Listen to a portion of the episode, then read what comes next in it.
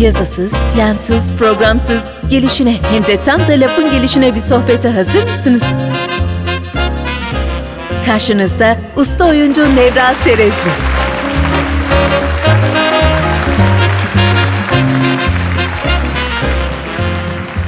Nasılsın Evra ablacığım?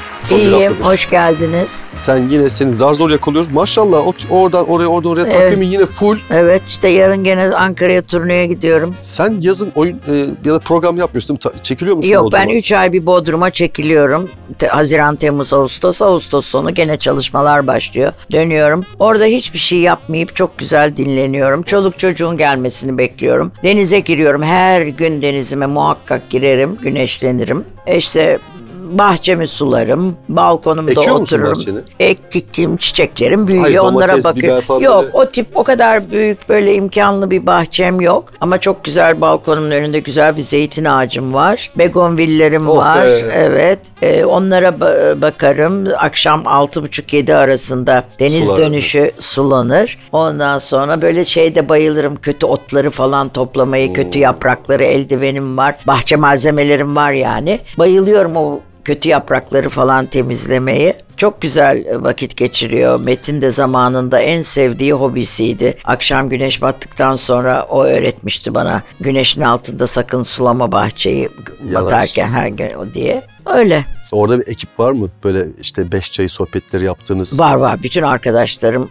Allah'a bin şükür hepsi Bodrum'a taşınıyor yazın. Çok güzel dostluklarım var. Ev toplantılarımız olur. Bir iki bazen oyunumuz var. Oyunlar oynarız. Denize gireriz. Ee, balık yemeye gideriz. Bodrum içini gezmeyi çok severim. Bodrum'un içini gezeriz. Yani nasıl geçer o üç ay bilmiyorum. Yani ben gittiğimde yol yoktu. Düşün 60'lı seneler 62 63 senelerinde daha okulda okurken Bodrum'a gittiğimizde işte bir minibüs bizi götürüyordu. Okul minibüsü mü neydi? Yani daracık yolda iki araba karşılaştığı zaman birbirine yol durup yol vermek zamanından kalmış düşün. O kalabalık yani yormuyor mu senin Evra abla? kalabalık Bodrum'un kalabalık. Evet, Bodrum merkez kalabalık. Bodrum'un merkez çok kalabalık. Bodrum caddeler İstanbul'dan hiç farkı Aynen yok. yok. yazın. Ama ben köyde oturuyorum, Gölköy'de oturuyorum. Türkbükü Gölköy yanında. Hala inekler dolaşıyor caddede, sokakta yani bizim şeyimizde. Köpekler uluyor bilmem ne. E, Ben zaten ormanın içindeyim. Domuzlar yola çıkıyor. Kurt iniyor ormandan falan bunları yaşıyoruz yani. Peki o kadar güzel mis ki bak anlatıyorsun gözlerim parlıyor anlatırken. Evet. Mesela atıyorum Ağustos sonunda döndüm buraya geldim. Tekrar betonun içine gelmek seni darmıyor mu sıkılmıyor musun? Sıkılıyor ne yapayım iş var. Değil mi? Prova başlıyor, tiyatro başlıyor. Çocuklar burada. Ya torunlar. Yani daha her şeyi bırakayım Bodrum'a yerleşeyim modunda değilim açıkçası iş olduğu sürece. Ama şöyle bir şey yapıyorum Allah hep de mümkün kıldı yaz gelen işleri kabul etmiyorum. Ben de diyorum ki bu benim şu yaşıma kadar çalışmamın getirdiği bir lüks. O kadar da olsun. Yani şimdi ben İstanbul'da kalıp o 3 ay bir dizide bilmem ne rolü oynayacağım, 3 kuruş fazla para kazanacağım diye onu kabul etmiyorum. Beş kuruşluk huzur sahibi olmuş orada. Üç orada- kuruş kazanacaksın beş kuruşluk Orada o kadar mutluyum ki ne yapıyorsun diye sor işte bu. Hani her gece gezmeler, gençliğimizde çok yaptık Metin'le. Gerçekten çılgın Bodrum gecelerini yaşadık yani yıllarca. Devre abla sen de hiç öyle bir potansiyel görmüyorsun Var, biliyor musun? var. Bak samimi söylüyorum. Yani her aşağı yukarı haftanın dört günü, üç günü gece dörtte beşte yattığımızı hatırlıyorum. Bir diskodan bir diskoya. Zil bir... sarhoş oluyor mu? Ay ben zil zurna sarhoş Hayır olmam. nasıl çılgınlık yapabilirsin E ki? çılgınlık dans etmek, Ama müzik bu ne dinlemek. ablacığım bu mu Allah'ını seversen Evet. ya? Mesela gece yarısı denize girmek. Ha tamam. Ya işte çılgınlığımız. Ya, an- anladım. Daha ne bekliyorsun? Yani gene de dans ederim. Yani benim yaşıma uygun klablar olsa kesinlikle gider dans ederim. O gençlerin olduğu yere de gitsem artık bana aslında hoş geldin Nevra abla derler ama çok karanlık, çok sigara dumanlı, çok itiş kakış yerleri sevmiyorum açıkçası. Ee, böyle açık havada deniz kenarında olan yerlerde gündüz hani happy hour dedikleri oluyor ya e, orada mesela hoşluk olabilir. Bak samimiyetle söylüyorum. Ne kadar inanırsın bilmiyorum. Böyle uzakta o zamanlarda yaşayıp böyle keşke size bakıp şahit olmak isterdim. Yani hakikaten çok keyifli Bak, ne, gece. yaptı, ne yapıyorlar şimdi? Nasıl bir gençlik geçirdiler? Uzaktan izlemek isterdim. Öyle Ben- bir anlatıyorsun ki. Bir dakika şöyle söyleyeyim sana. Söyle. Benim çocuklarım benim geçirdiğim gençliği geçirmediler. Yani biz Metin'le baya baya güzel hayat yaşadık. Yani her türlü işte çılgınlık dediğim bu kadar çılgınlık ama böyle hani oradan oraya oradan oraya çok seyahate gittik. Yunan adalarına gittik. Arabalarla Londralara kadar seyahat be. ettik. Böyle her dakika otur eğer saatimiz yerindeyse ve de bir ailevi sorunumuz e, yoksa ne yapalım? Nereye gidelim? Şurada yemeğe gidelim. Bugün üç günlük bir seyahat yapalım. Hadi gel kışın ya bu hafta sonu bir dağa gidelim kayak yapalım. Bunları hep yaptık. Benim çok çok güzel geçti e, gençliğim. Benim çocuklarım benim kadar gezmedi. Hala da gezemiyorlar. Öyle. Ama tatil yapmak ayrı bir kültür diye düşünüyorum. Yurt dışında çok bunu yaparlar. Yani bütün sene adam çalışır, işçidir neyse bir yere parasını ayırır e, bir ay tatile gideceğim diye. E, bizde o kadar o yıllarca olmadı. Daha yeni yeni başlıyor bu. Çünkü yıllarca biliyorsun biz bayramlarda falan hiç tatile falan gidilmezdi. Çok ayıptı. Evinde oturur aile ziyareti Ay, gidilirdi. Yani diyelim ki son 15 senedir 10 senedir falan böyle bayram tatili olduğu zaman hemen insanlar bir program yapıp Çünkü birleştirme meselesi başladı. Tatilleri, bayram tatilleri hafta Evet. sonlarıyla birleştirme Evet. falan gibi. Dolayı, e, insanlar da o zaman dilimini e, başka şekilde değerlendirmek ayrıca insan tatil yaparsa off verirse kendine döndüğü zaman daha iyi çalışır. Yok. Bu her zaman geçerlidir. Şimdi öyle olmuyor Niye? Nevra ablacığım. Neden olmuyor biliyor musun? Çünkü adam döndüğü zaman iki ay o bayram tatilin parasını ödemeye çalışıyor. Üç Ama ay. bu yeni yeni bu hale Evet. geldi. Yeni yeni bu hale geldi. Eskiden böyle değildi ya. Değildi. Eskiden köye gitme diye Ya bir şey şunu vardı. kadar şimdi. söyleyeyim biz iki tiyatrocu maaşıyla gitmediğimiz gezmediğimiz yer yoktu. Ama o zamanlar. E o zaman hayat tabii- ucuzdu Nevra E tamam ablacığım. onu söylüyorum işte.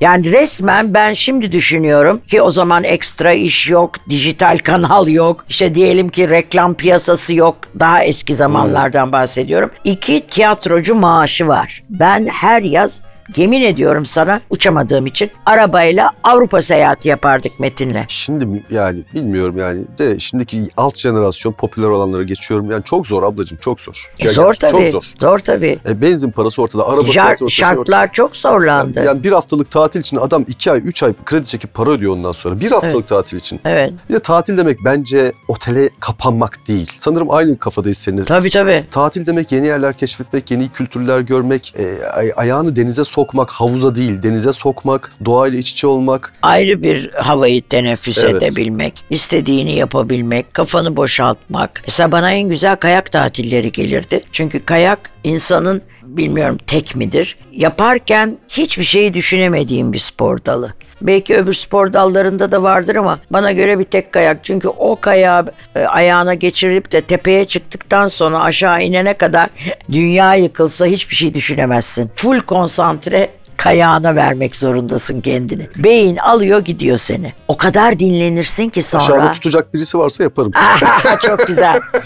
Tehlikeli bir spordur. Onun içinde çok dikkatli olman gerekir ve mesela çok e, antenlerinin de açık olması gerekir. Akıl da gerekir tabii. Her sporda gerekir ya. Mesela karın cinsini kontrol edeceksin, önündeki ağacı kontrol edeceksin, arkandan şşt, şşt, şşt sesi çıkaran arkandan hızla gelen başka bir kayakçıyı kontrol edeceksin.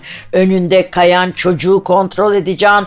Sağ tarafta uçurum varsa, sol tarafta buzlanma varsa bütün bunları düşün. 360 derece radar çalışacak. Aynı anda aşağı kayarken ve hızla bunları düşüneceğim. Aklıma ne geldi biliyor musun? Şimdi sen bir tiyatrocu olarak seslendirme de yapıyorsun, oynuyorsun Evet. falan. O zamanlar için söylüyorum ya da şimdi geçerli bu. Nevra ablacığım senin mesela sağlığına dikkat etmen gerekmiyor mu? Mesela üşütmemen musun? lazım, Evet. terlememen lazım. Biliyor musun biz hep Haldun'dan gizli giderdik Metin'le işte. kayağa. Çünkü Haldun Yaramaz yasak, öğrenciler gibi. yasaklardı. Ayağını kırıp E, gelemezsin. işte üşütme kolay. Üşütme çabuk E, atlatılır da. ayağını kırabilirsin Çok evet. Riskliydi ama o da adrenalin işte. Birazcık Aa. risk almak böyle şeye. Ben daha hızlı e, riskli kayakçıydım. Metin daha kontrollüydü. Mesela ben biraz hızlandım mı Metin hemen ikaz ederdi. Nev dikkat, Nev dikkat diye. Birden aklıma gelirdi ki iki gün sonra tiyatrom var. Hem de iki gün sonra. Yani mesela hafta sonu git ya hafta başı kaçmışız. Üç gün sonra tiyatrom var. Çok riskli dikkat ederek kayardım. Yani hiçbir sakatlık geçirmedim. Sonradan hep duydu Haldun zaten. Kızardı bu bize. Nasıl bu riski alıp gidebiliyorsunuz kayağa diye.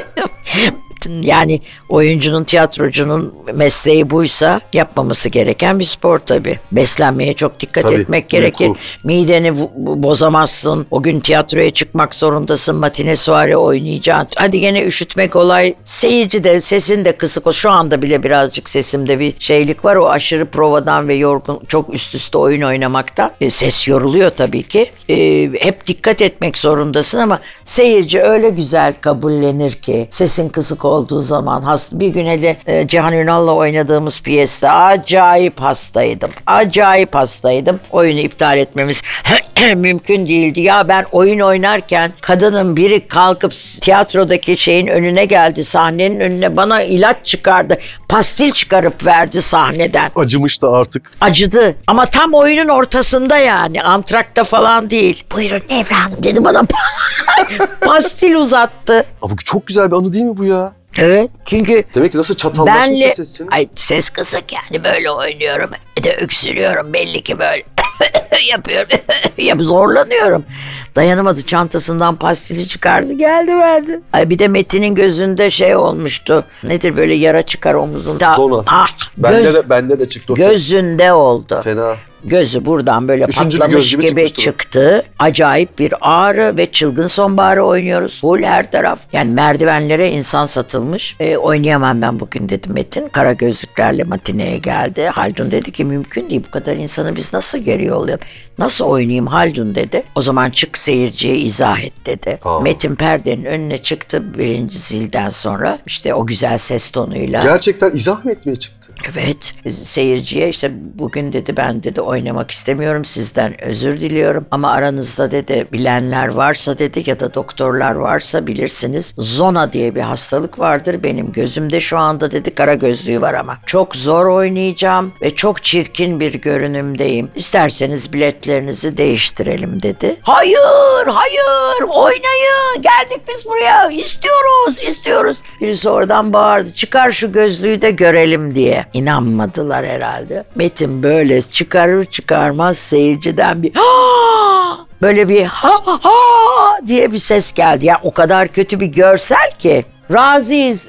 Böyle konuşuyor seyirci. Razıyız Metin abi böyle oyna gözlüklerinle oyna dediler. Biz oynadık. Siyah kara gözlüklerle oynadı oyunu. Ama nasıl sancısı var? Nasıl sancısı var? Gitmedi seyirci. İki taraflı naiflik var burada. Ben Ama gerçekten- inanmayıp bir gözlüğünü çıkar e, Ya, reaksiyonu o- geldi. o- Hani bize e, numara mı yapıyorsunuz Ya. gibi. Ama çıkarınca da zaten böyle bir böyle bir sesi geldiydi. Çok kötüydü gör, görüntüsü çok kötüydü. Böyle şişmiş, morarmış, aşağı sarkmış, e, kıpkırmızı yumruk yemiş gibiyle bir şey böyle garip Oo, bir çok durum. fena bir şey o. Çok. Çok çok fena bir Ve çok risk atlattı. Sinir ucu. Son- Çok tabii, tehlikeli o. Çünkü sonra bir göz doktoru hep bize bakıyordu. Metin dedi bittikten sonra olay. Sen aslında çok önemli bir şey gö- görme kaybı Gözünü tabii olur. ki, Allah korusun. Çok önemli bir şey atlattın farkında değildin dedi. Bize ikaz etmişti. Ben neresinden bakarsam bakayım yaşım yettiğince, aklım er- erdiğince hep böyle işin içinde politik mizah var. Dokunmalar var. Var, var. Levent Kırcı tiyatrosu sen Hem- çok hem daha iyi bilirsin. Sanat da tiyatroda ya hayatın bir aynasıysa yansımasıysa ben olması gerektiğini düşünüyorum. Aynı Ne, fikirdeyim. ne, ne düşünüyorsun? Evet aynı fikirdesin. Tabii ki. Peki Nevra abla neden bu zamanda suya sabuna dokunulmuyor? Neden hiç politikaya, mizahta özellikle dokunulmuyor?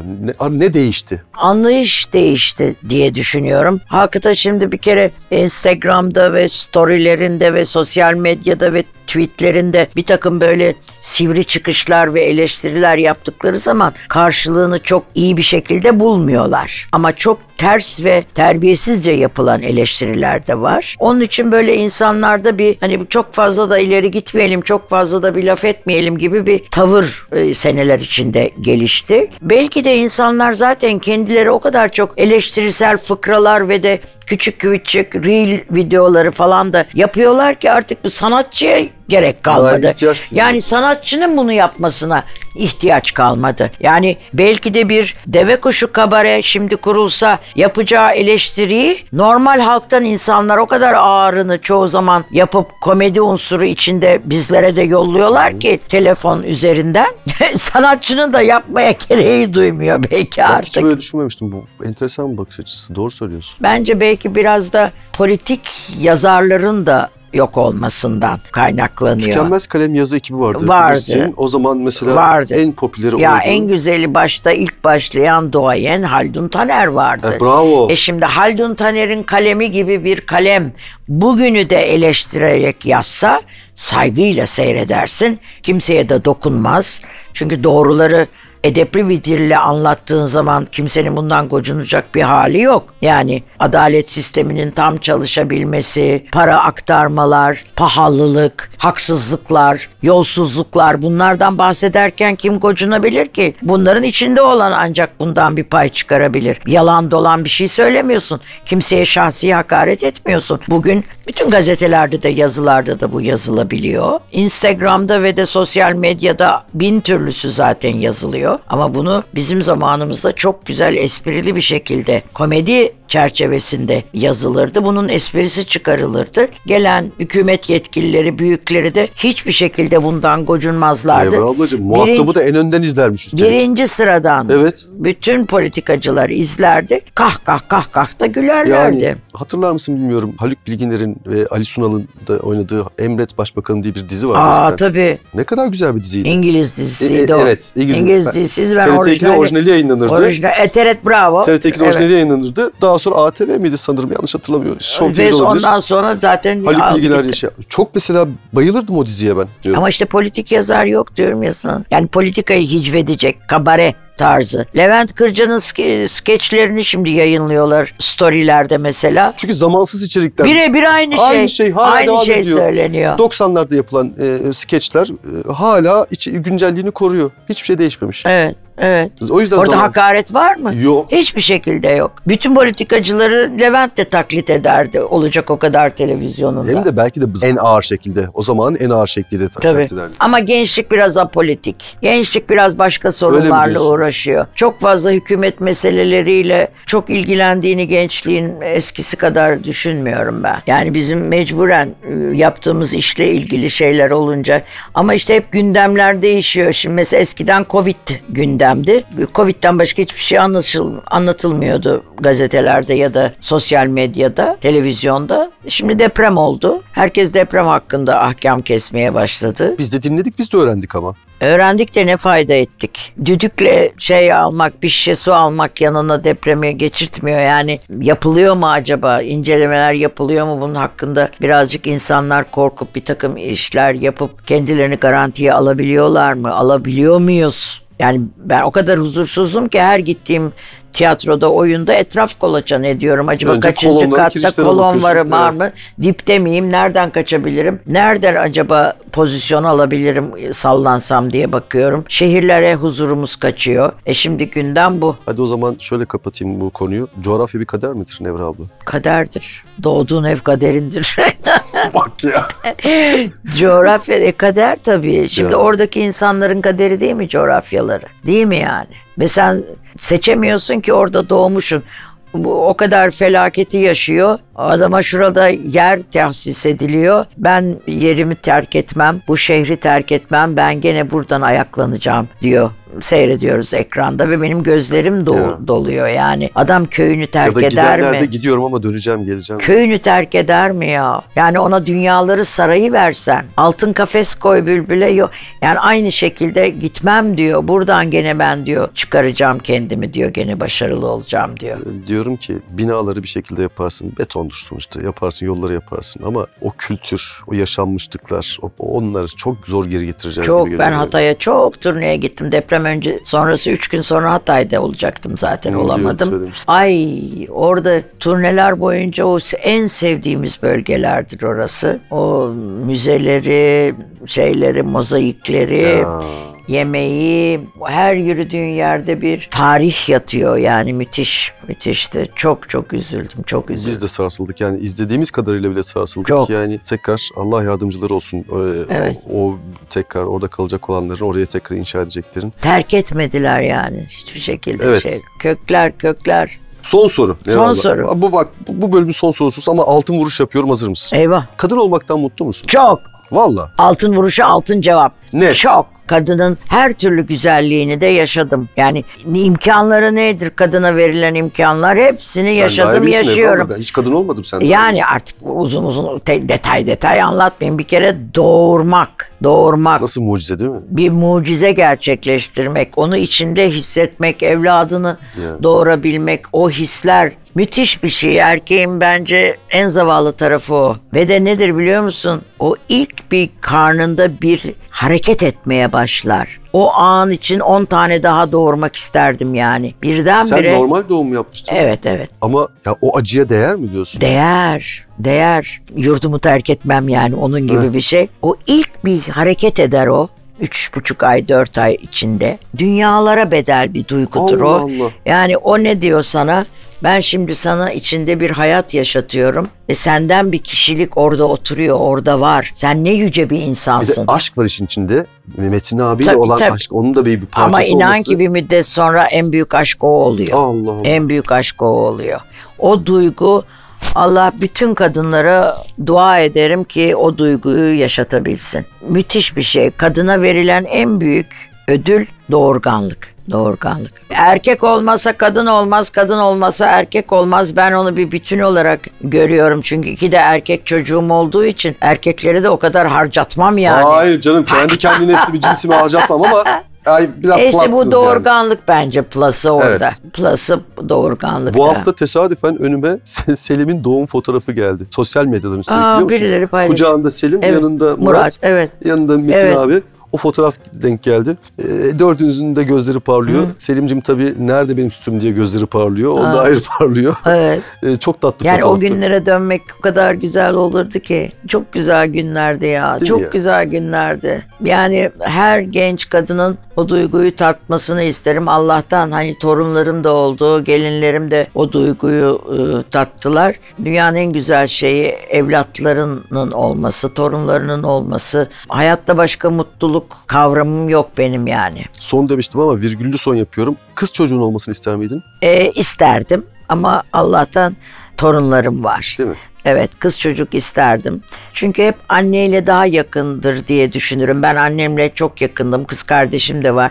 Onunla da çok yakınızdır. Yani kadınsal bir duygusallık anneyle kızları arasında Ama böyle kız babaya vardır. yakın değil midir? Ha? Kız babaya daha yakın olmaz mı? E Aşık kız olur ya. babaya ya- yakın Hele Metin olsun ama, abiye yani. ama anne anneyle ana kız vardır bir bağ vardır görünmeyen bir bağ vardır yani. O isterdim mesela Murat'la Selim kesin olsun da onların yerine kimseyi koyamam. Ya, bak bak şimdi onlar da dinler diye. Ya, aa, yok onlar benim onlara nasıl aşık olduğumu bilir. Ama bir de kızım olsun isterdim yani. Vallahi ben de isterdim. Ben şey çok kızıyorum çocuklar. Jenerasyon farkı Ay falan çok kızıyorum olmasın şeye. mı? Ay bu dünyaya çocuk getirmekten hoşlan. O lafa o kadar kızıyorum ki bu dünyaya o zaman kendini de getirme. Yani o kadar zorlu bir dünyanın içinde yaşıyoruz ki hepimiz aynı sıkıntıları geçiriyoruz.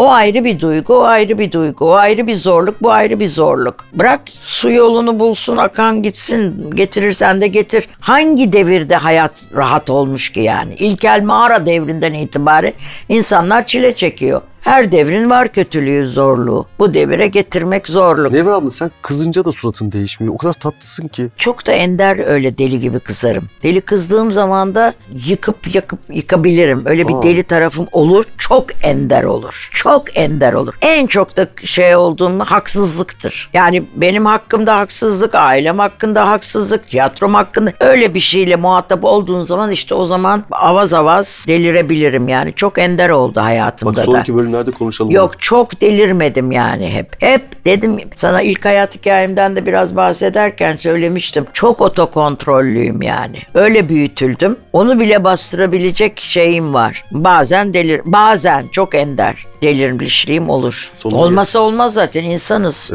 Öyle orası öyle. E vallahi konuşup gidiyoruz işte. Ne güzel. Oturup durun. ne yapıyorsun? Oturup duruyor. Orada pazara gidiyor musun Bodrum'da? Tabii, Oh be. tabii deli misin tabii. Bir gün kısmetse geleceğim. Gel. Ama semizotu salatası istiyorum. Olur. Böyle soğuk sarımsaklı. Ay, tuzlu. of, yoğurtlu. Allah be. Aman çok güzel. Tamam, şimdi dinleyenlerin ağzını Tamam.